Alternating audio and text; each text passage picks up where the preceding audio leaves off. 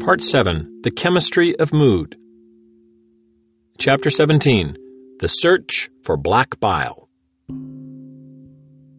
Someday, scientists may provide us with frightening technology that will allow us to change our moods at will. This technology may be in the form of a safe, fast acting medication that relieves depression in a matter of hours with few or no side effects.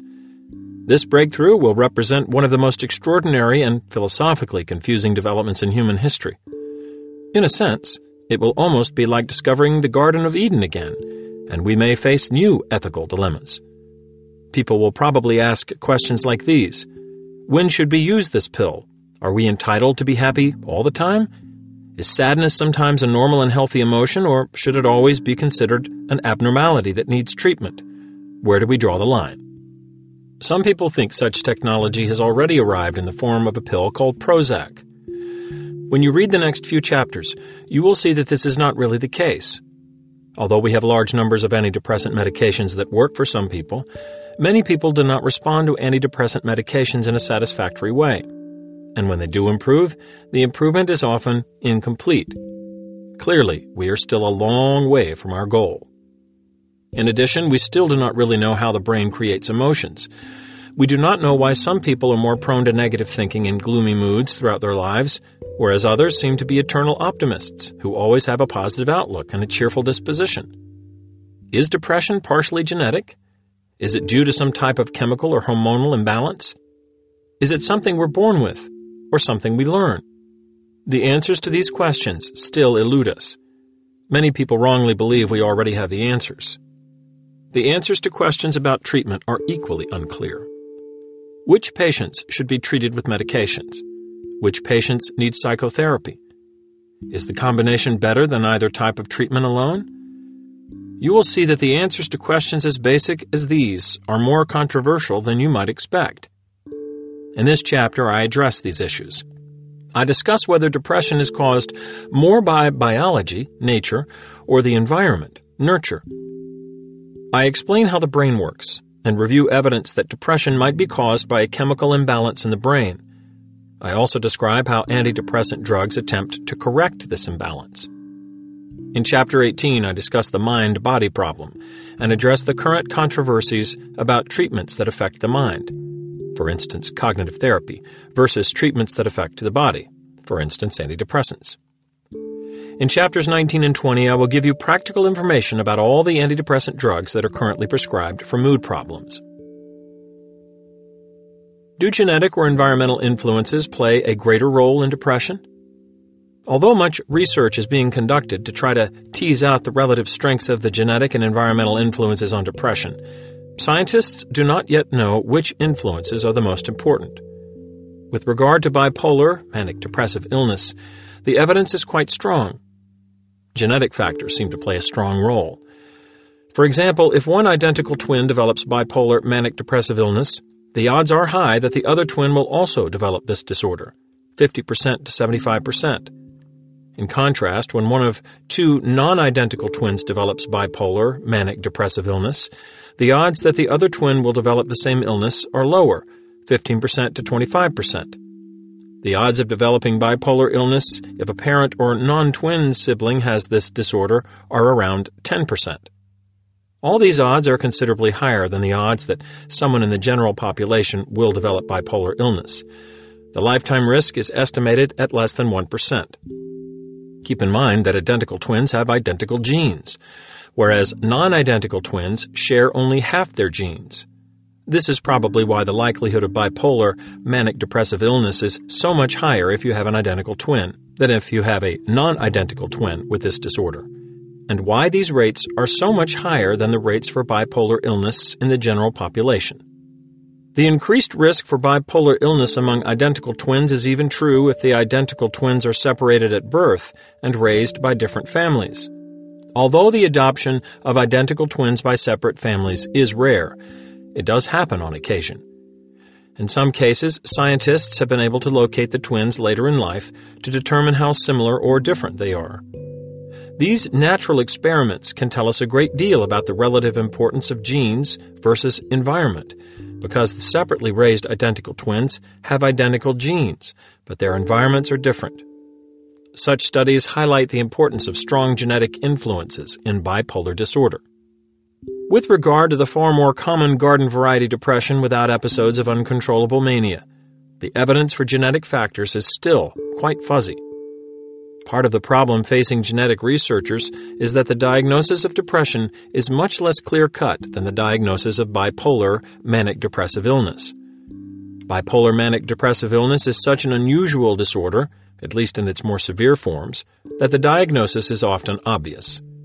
The patient has a sudden and alarming change in personality that comes on without drugs or alcohol, along with symptoms such as intense euphoria, often with irritability.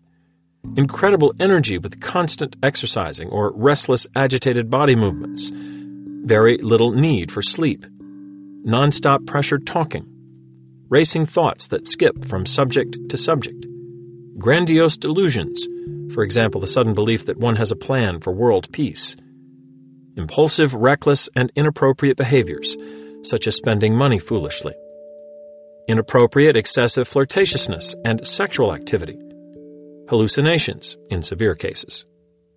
These symptoms are usually unmistakable and often so uncontrollable that the patient may require hospitalization with medication treatment. Following recovery, the individual usually returns to absolutely normal functioning again. These distinct features of bipolar illness make genetic research relatively straightforward, since it is usually not difficult to determine when individuals have the disorder and when they do not. In addition, this disorder usually begins fairly early in life, with the first episode often occurring by the age of 20 to 25. In contrast, the diagnosis of depression is much less obvious. Where does normal sadness end and clinical depression begin? The answer is somewhat arbitrary, but the decision will have a big impact on the results of research.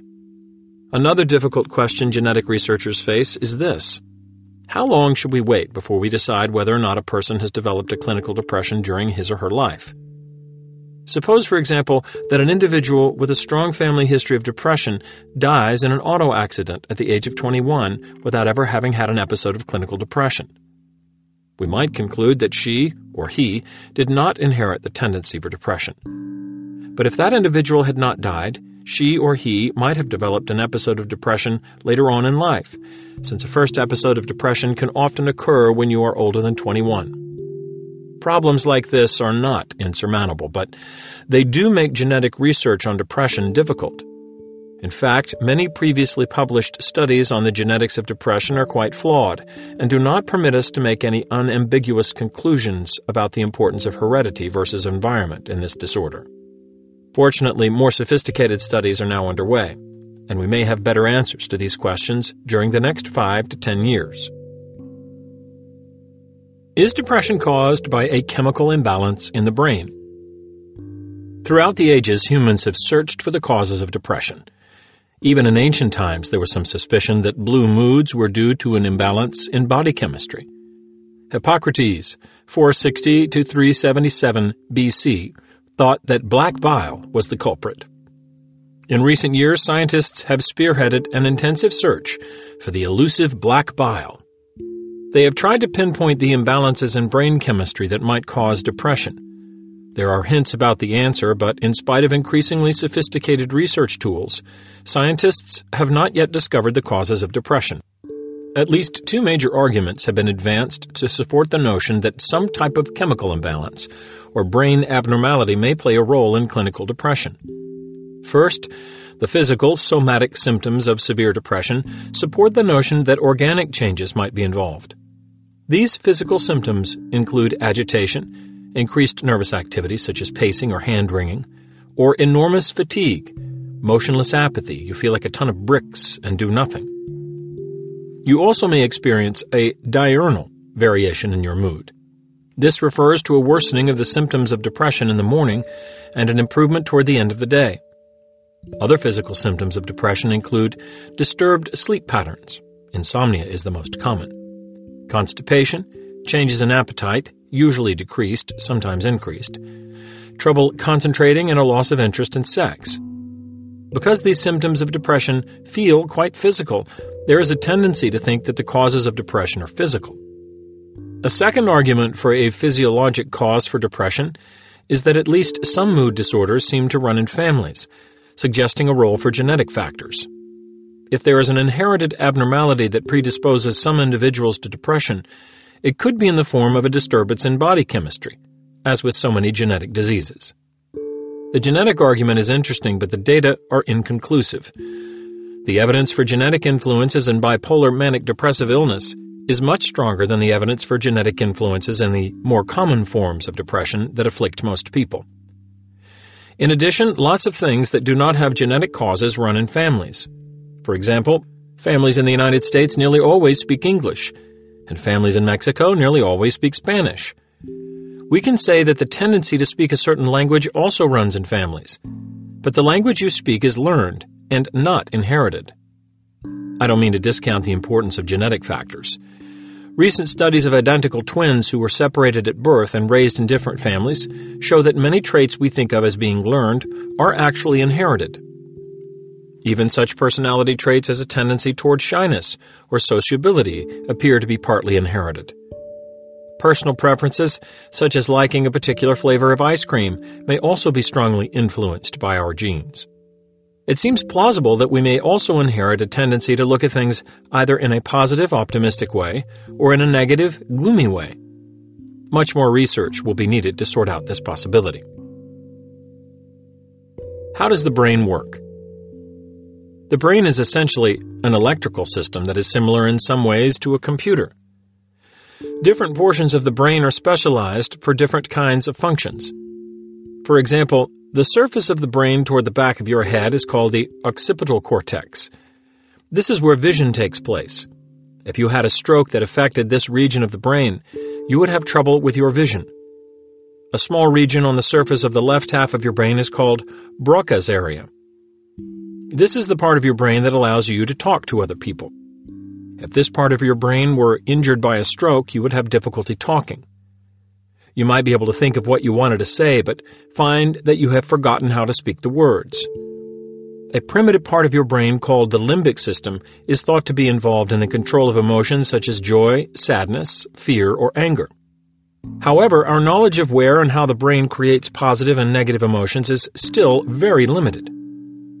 We do know that nerves are the wires that make up the electrical circuits in the brain. The long, thin part of a nerve is called the axon, when a nerve is stimulated, it sends an electrical signal along the axon to the end of the nerve. A nerve is much more complex than a simple wire, however. For example, a nerve may receive input from tens of thousands of other nerves.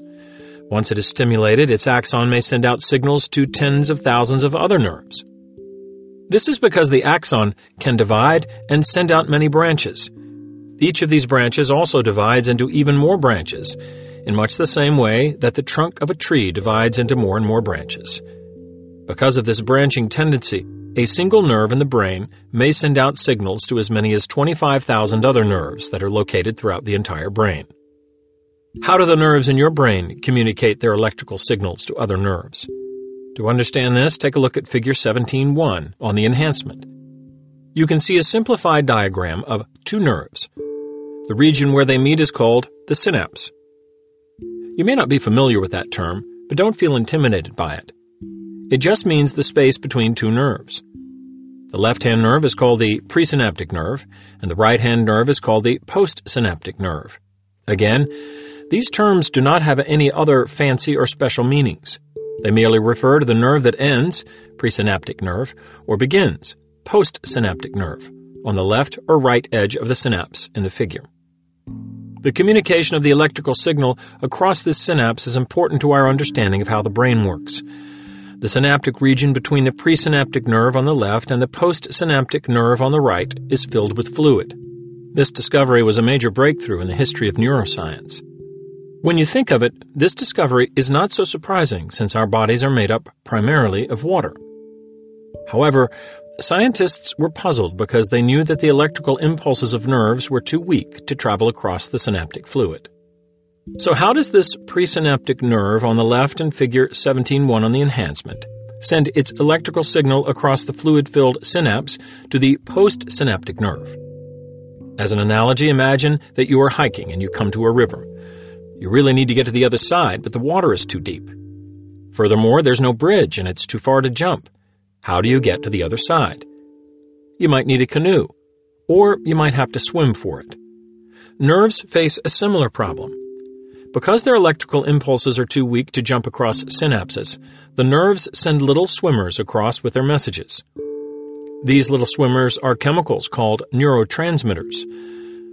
The nerve in figure 17.1 in the enhancement uses a neurotransmitter called serotonin.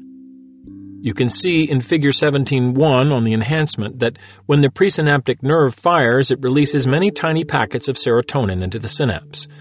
Once released, these chemical messengers migrate or swim through a process called diffusion across the fluid filled synapse. At the other side of the synapse, the serotonin molecules become attached to receptors on the surface of the postsynaptic nerve. This signal tells the postsynaptic nerve to fire, as illustrated in Figure 17.2 on the enhancement. Different kinds of nerves use different kinds of neurotransmitters. There are a great many of these neurotransmitters in the brain. Chemically, many of them are categorized as biogenic amines because they are manufactured from amino acids in the foods we eat. These amine transmitters are the brain's biochemical messengers. Three of the amine transmitters in the limbic emotional regions of the brain are called serotonin, norepinephrine, and dopamine. These three transmitters have been theorized to play a role in many psychiatric disorders and have been intensively studied by psychiatric researchers. Because these chemical messengers are called biogenic amines, the theories linking them to depression or mania are sometimes referred to as the biogenic amine theories. But we are getting ahead of ourselves. How does a chemical messenger cause the postsynaptic nerve to fire once it becomes attached to the nerve? Let's imagine for a moment that the chemical transmitter in the presynaptic nerve is serotonin. I could have chosen any of them since they all work in a similar manner. On the surface of the postsynaptic nerve, there are tiny areas called serotonin receptors. You can think of these receptors as locks because they cannot be opened up without the right key. These receptors are on the membranes that form the outer surface of nerves. These nerve membranes are something like the skin that covers your body. Now, think of the serotonin as the key to the lock on the postsynaptic nerve. Just like a real key, the serotonin works only because it has a specific shape. There are many other chemicals floating around in the synaptic region, but they will not open the serotonin lock because they do not have the right molecular shape. Once the key fits into the lock, the lock opens up. This triggers additional chemical reactions that cause the postsynaptic nerve to fire electrically. When the nerve fires, the serotonin, the key, is released from the receptor, the lock, on the postsynaptic nerve and ends in the synaptic fluid again. Finally, it swims back to the presynaptic nerve, again through a process called diffusion, as illustrated in Figure 17.3 on the enhancement. The serotonin has done its job and the presynaptic nerve needs to get rid of it. Otherwise, it will hang around in the synapse and it might swim back to the postsynaptic nerve again. This could create confusion because the postsynaptic nerve may think there is a new signal and it may get stimulated to fire again. To solve this problem, the presynaptic nerve has a pump on its surface.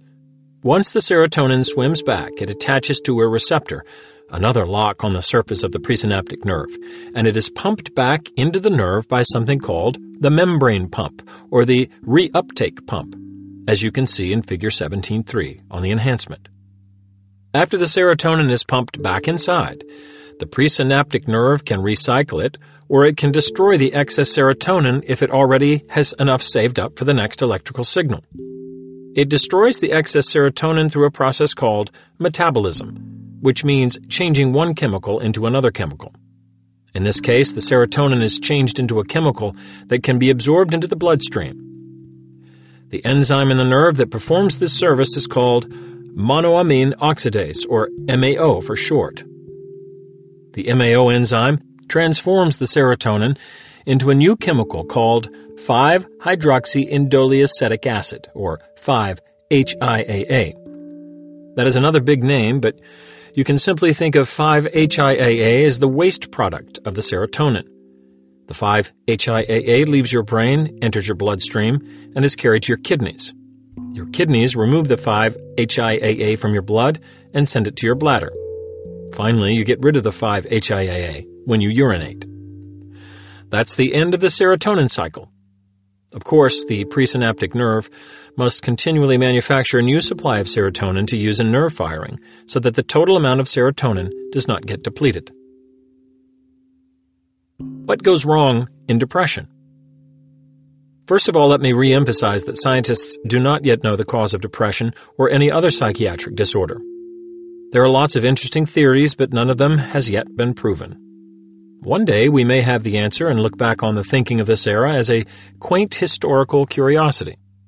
However, science has to start somewhere, and research on the brain is moving forward at an explosive rate. New and very different theories will undoubtedly emerge in the next decade. The explanations in this section will be very simplified.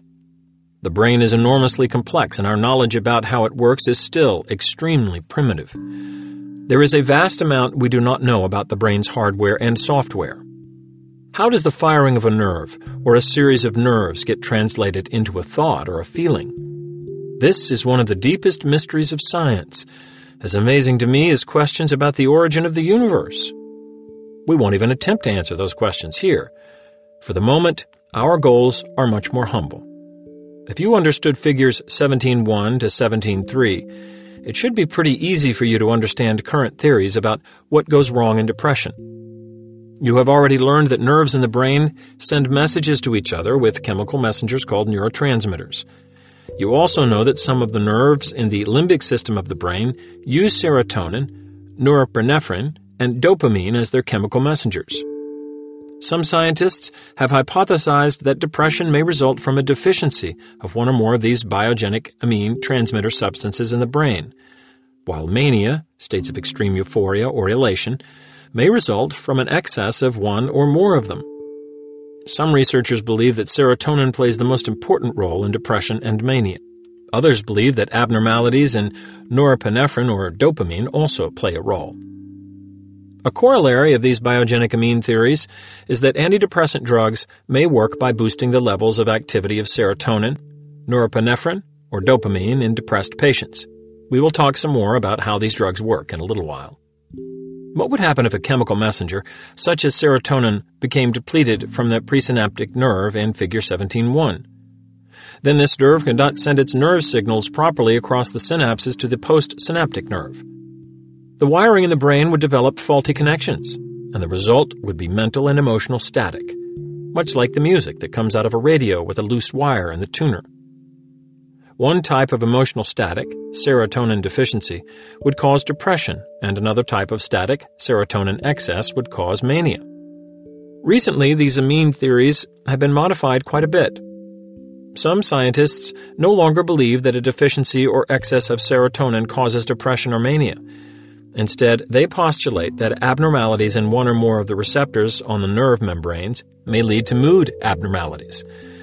Examine Figure 17.2 again and imagine that there is something wrong with the serotonin receptors on the postsynaptic nerve. For example, there might not be enough of them. What would happen to the communication between the nerves? Although there might be plenty of serotonin molecules in the synapse, the postsynaptic nerves might not fire consistently when the presynaptic nerves fired. And if there were too many serotonin receptors, this could have the opposite effect of causing overactivity in the serotonin system. To date, at least 15 different kinds of serotonin receptors have been identified throughout the brain, and more are being identified all the time. All these receptors probably have different effects on hormones, feelings, and behavior. Scientists do not have a very clear picture of what any of these different receptors do, nor do they know if abnormalities in any of them play a causal role in depression or mania. Research in this area is evolving at an extremely rapid pace, and we will have better information about the physiologic and psychological effects of these many serotonin receptors in the near future. Although our knowledge about the role of serotonin receptors in brain function is still quite limited, there is evidence that the number of receptors on the postsynaptic nerves may change in response to antidepressant drug therapy. For example, if you give a drug that boosts the levels of serotonin in the synapses between the nerves, the number of serotonin receptors on the postsynaptic nerve membranes will decrease after a few weeks. This might be a way that the nerves attempt to compensate for the excess stimulation. The nerves are trying to turn down the volume of the signal, so to speak. This kind of reaction is called downregulation. In contrast, if you deplete the serotonin from the presynaptic nerve in Figure 17.1, much less serotonin will be released into the synapse.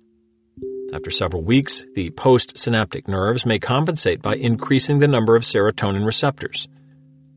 The nerves are trying to turn up the volume of the signal. This kind of reaction is called upregulation.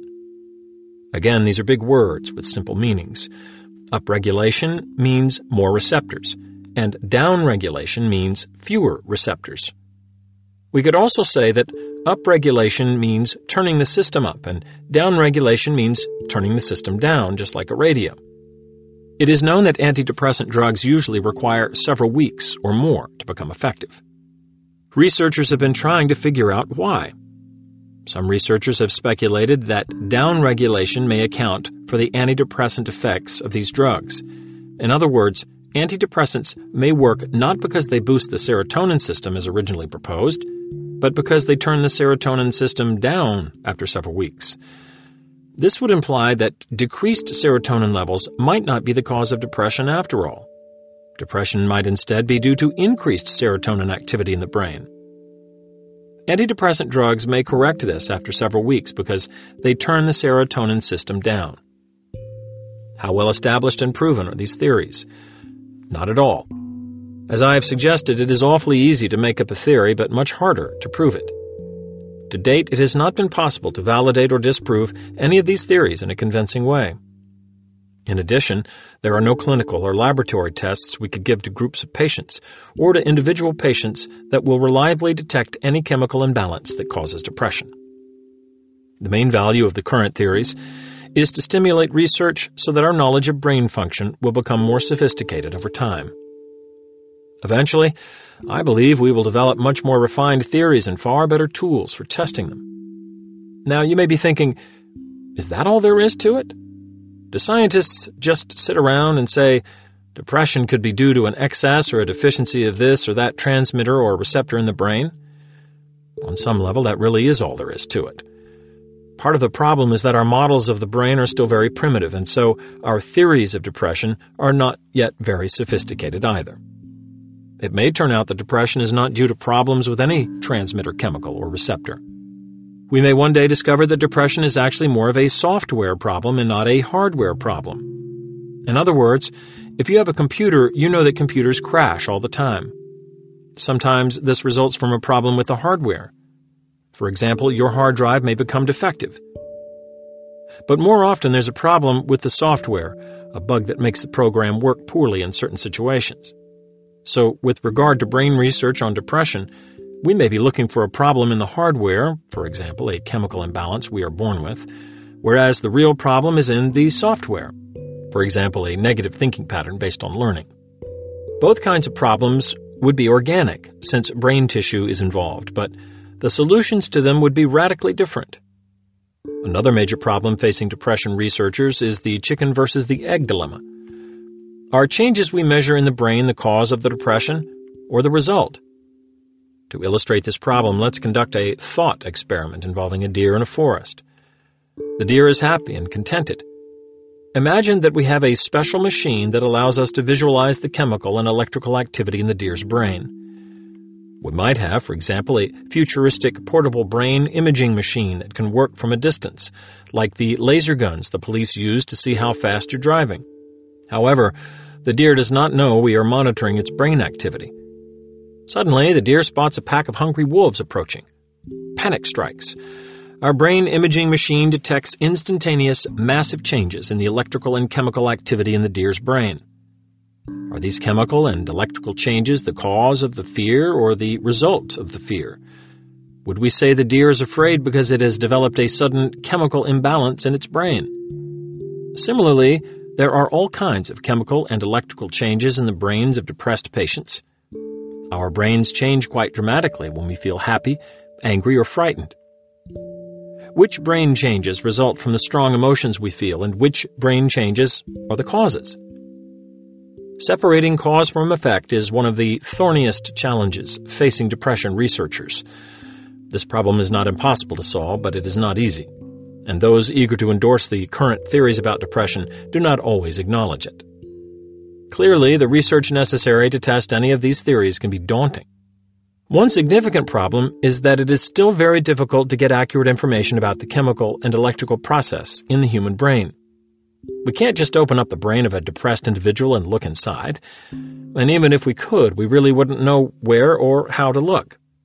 But new tools such as PET, positron emission tomography, scanning, and MRI, magnetic resonance imaging, do make such research possible.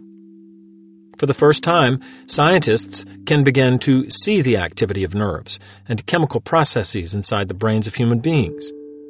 This research is still in its infancy, and we can look forward to a great deal of progress in the next decade. How do antidepressant drugs work? The modern era of research on the chemistry of depression got a big boost, accidentally, in the early 1950s, when researchers were testing a new drug for tuberculosis called iproniazid. As it turned out, iproniazid was not an effective treatment for tuberculosis. However, the investigators noticed pronounced mood elevations in a number of patients who received this drug and hypothesized that iproniazid might have antidepressant properties. This led to an explosion of research by drug companies who wanted to be the first to develop and market antidepressant drugs. Researchers knew that iproniazid was an inhibitor of the MAO enzyme discussed previously. The drug was therefore categorized as an MAO inhibitor, or MAOI for short. Several new MAOI drugs that were similar in chemical structure to iproniazid were developed. Two of them, phenelzine, Nardil, and tranylcypromine, Parnate, are still in use today. A third MAOI called selegiline, trade named Eldepryl, has been approved for the treatment of Parkinson's disease. This drug is also occasionally used in the treatment of mood disorders. Other new MAOIs in use abroad may eventually be marketed in the United States. The MAOIs are no longer prescribed nearly as frequently as they used to be. This is because they can cause dangerous elevations of blood pressure if the patient combines them with certain foods, such as cheese. The MAOIs can also cause toxic reactions when combined with certain drugs. Because of these hazards, newer and safer antidepressants have been developed. These new drugs work quite differently from the MAOIs. Nevertheless, the MAOIs can be extremely helpful for some depressed patients who do not respond to other medications, and they can be used safely if the patient and doctor follow a number of guidelines that I will spell out in Chapter 20. The iproniazid discovery helped to usher in a new era of biological research on depression. Scientists were eager to find out how the MAOIs worked. It was known that the MAOIs prevented the breakdown of serotonin, norepinephrine, and dopamine, the three chemical messengers that are concentrated in the limbic regions of the brain. Scientists hypothesized that a deficiency in one or more of these substances might cause depression and that antidepressant drugs might work by increasing the levels of these substances. This is how the biogenic amine theories actually originated. Now let's see how much you've learned about how the brain works. Look at figures 17.1 to 17.3 again. When the presynaptic nerve fires, serotonin is released into the synapse after it attaches to a receptor on the postsynaptic nerve, it swims back to the presynaptic nerve, where it is pumped back inside this nerve and destroyed by the MAO enzyme. Now ask yourself this question What would happen if we prevented the MAO enzyme from destroying the serotonin? As you have probably guessed, the serotonin would accumulate in the presynaptic nerve because this nerve is always manufacturing new serotonin. If this nerve could not get rid of its serotonin, the concentration of serotonin in the nerve would continue to increase. Whenever the presynaptic nerve fired, it would release much more serotonin than usual into the fluid filled synaptic region. The excess serotonin in the synapse would cause a greater than expected stimulation of the postsynaptic nerve. This would be the chemical equivalent of turning up the volume on the radio. These effects of the MAOI antidepressants are illustrated in Figure 17.4 on the enhancement.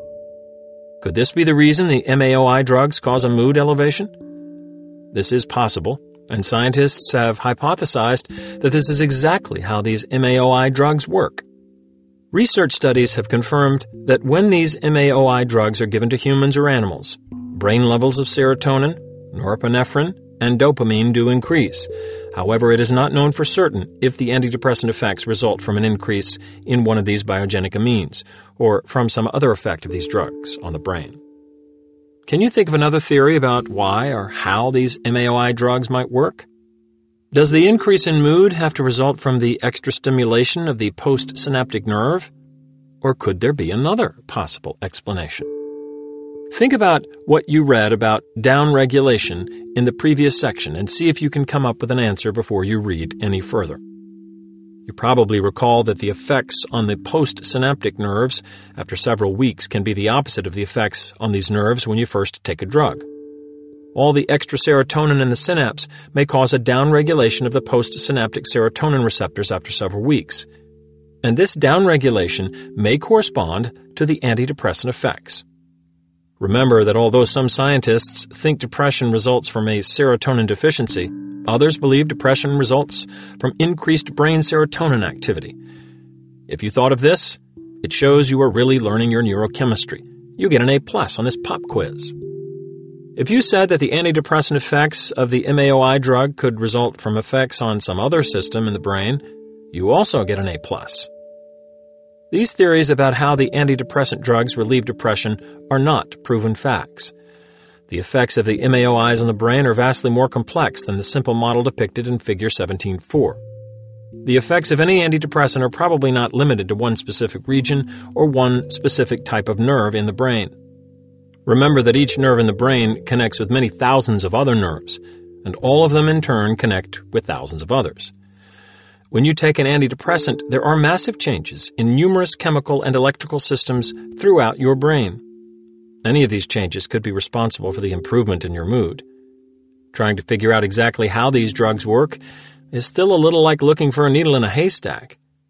But the important thing for the moment is that these drugs do seem to help some depressed patients, regardless of how or why they work.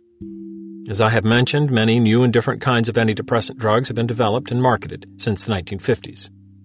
Unlike the MAOIs, the newer antidepressants do not cause a buildup of transmitters like serotonin in the presynaptic nerve depicted in Figure 17.4.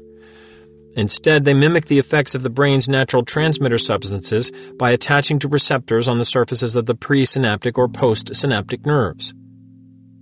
To understand how these newer antidepressants can do this, Remember our analogy of the lock and the key. A natural transmitter substance is like a key, and the receptor on the surface of the nerve is like a lock. The key is able to unlock the lock only because it has a certain shape. But if you were a magician, like the famous Harry Houdini, you could easily pick the lock and open it without the key. An antidepressant medication is like a counterfeit key that a drug company has manufactured. Because the chemists know the three dimensional shape of a natural transmitter like serotonin, norepinephrine, or dopamine, they can create new drugs that have a very similar shape. These drugs will fit into the receptors on the surfaces of nerves and mimic the effects of the natural transmitters. The brain does not know that an antidepressant is in the lock. The brain has been tricked into thinking that the natural transmitter chemical is attached to the receptor on the surface of the nerve. In theory, the artificial key, the antidepressant, can do one of two things when it becomes attached to the receptor. It can either open the lock, or it can jam the lock without actually opening it. Drugs that open the locks are called agonists. Agonists are simply drugs that mimic the effects of the natural transmitters. Drugs that jam up these locks are called antagonists. Antagonists block the effects of the natural transmitters and prevent them from being effective. We can imagine several different ways that antidepressant drugs could influence the receptors on the presynaptic and postsynaptic nerves. For the purpose of this discussion, imagine that the transmitter used by the presynaptic nerve is serotonin, but the same considerations apply to any transmitter. What would happen if we blocked the receptors on the reuptake pump? The presynaptic nerve could no longer pump the serotonin from the synapse back inside.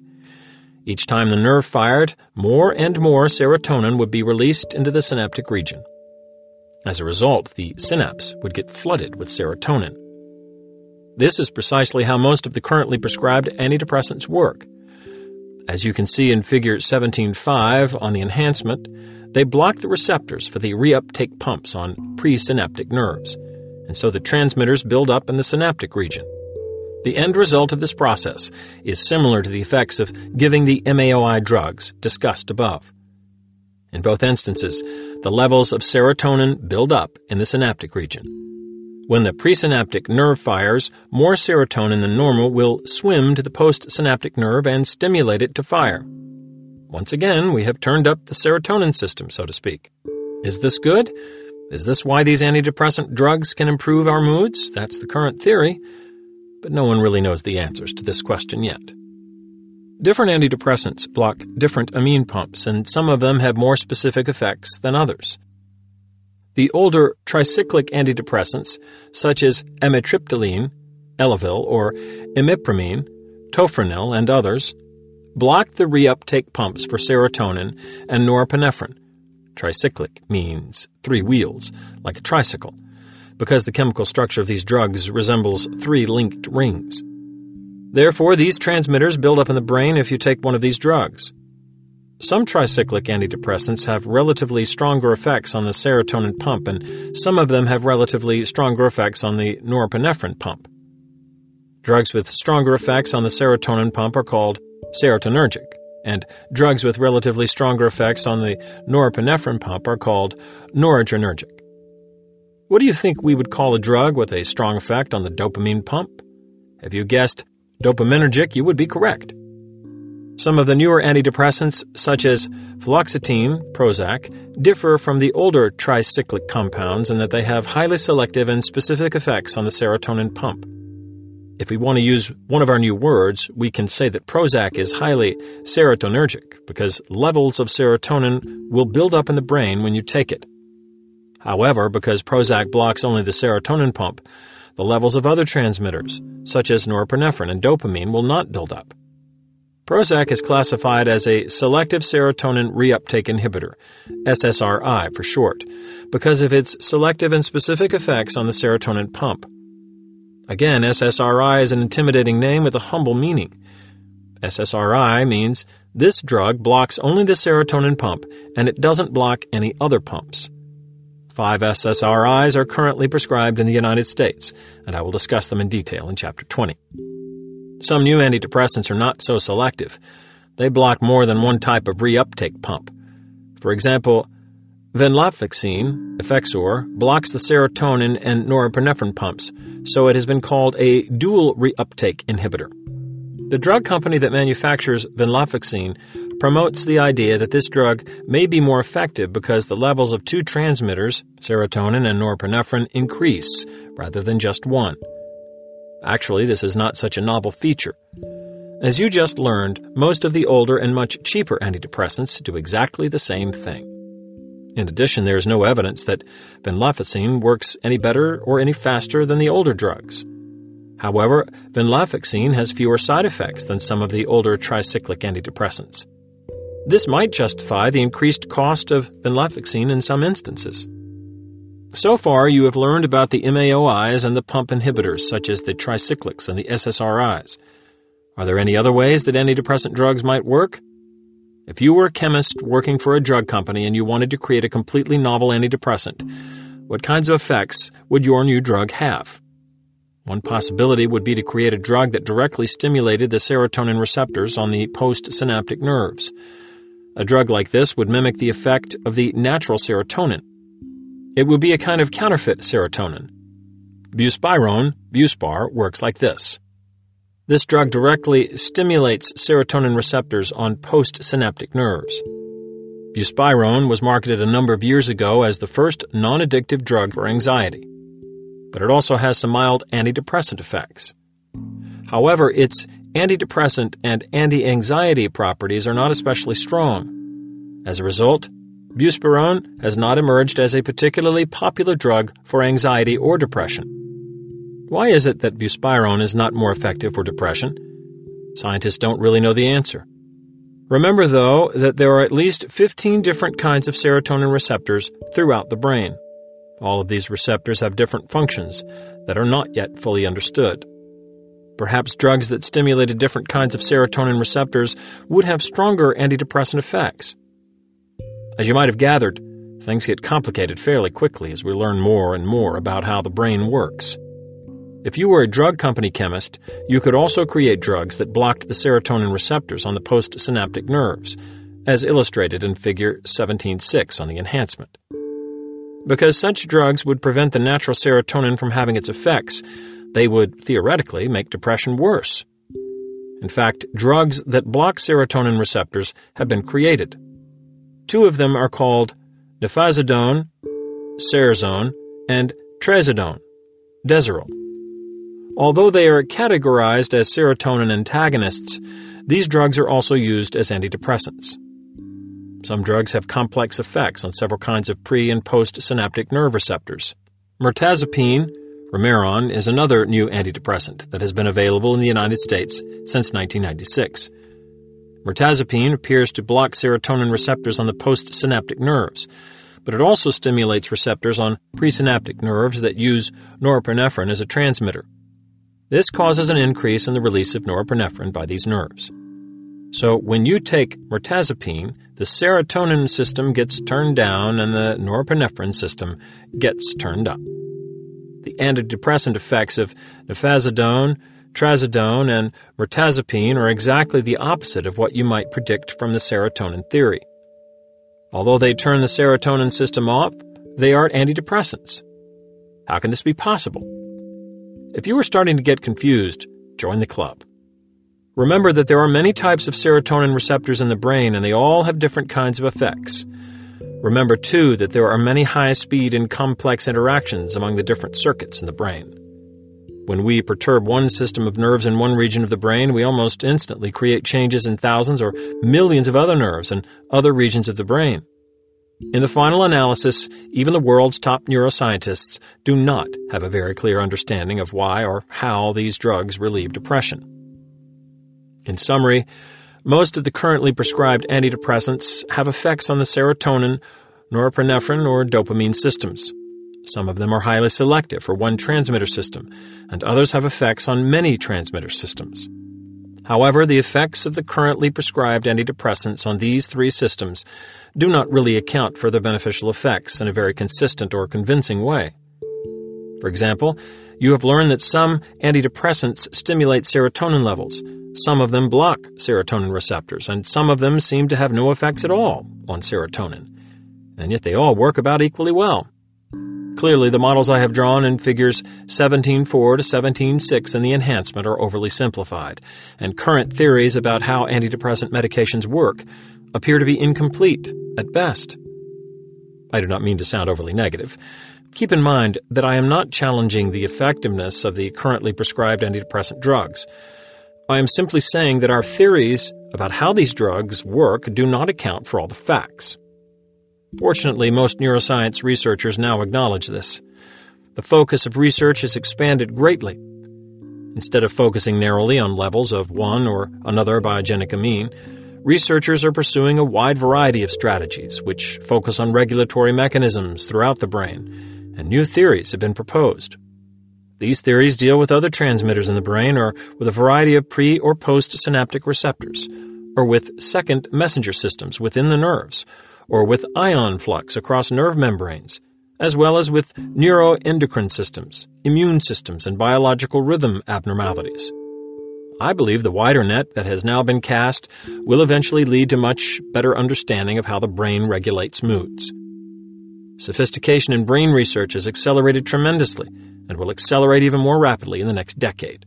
This research will hopefully lead to improvements such as these clinical tests for the chemical imbalance that causes depression, if indeed such an imbalance actually exists, tests to detect the genetic abnormalities that make certain individuals more vulnerable to depression as well as manic depressive illness, safer medications with fewer side effects, as you will learn in Chapter 20. Significant advances have already been made in this area. Drugs and psychotherapeutic treatments that are more effective and faster acting drugs and psychotherapeutic treatments that minimize or entirely prevent relapses of depression following recovery. Although our current level of understanding is still primitive, an important scientific effort has been launched. One day, this effort may even lead us to the identification of the mysterious black bile.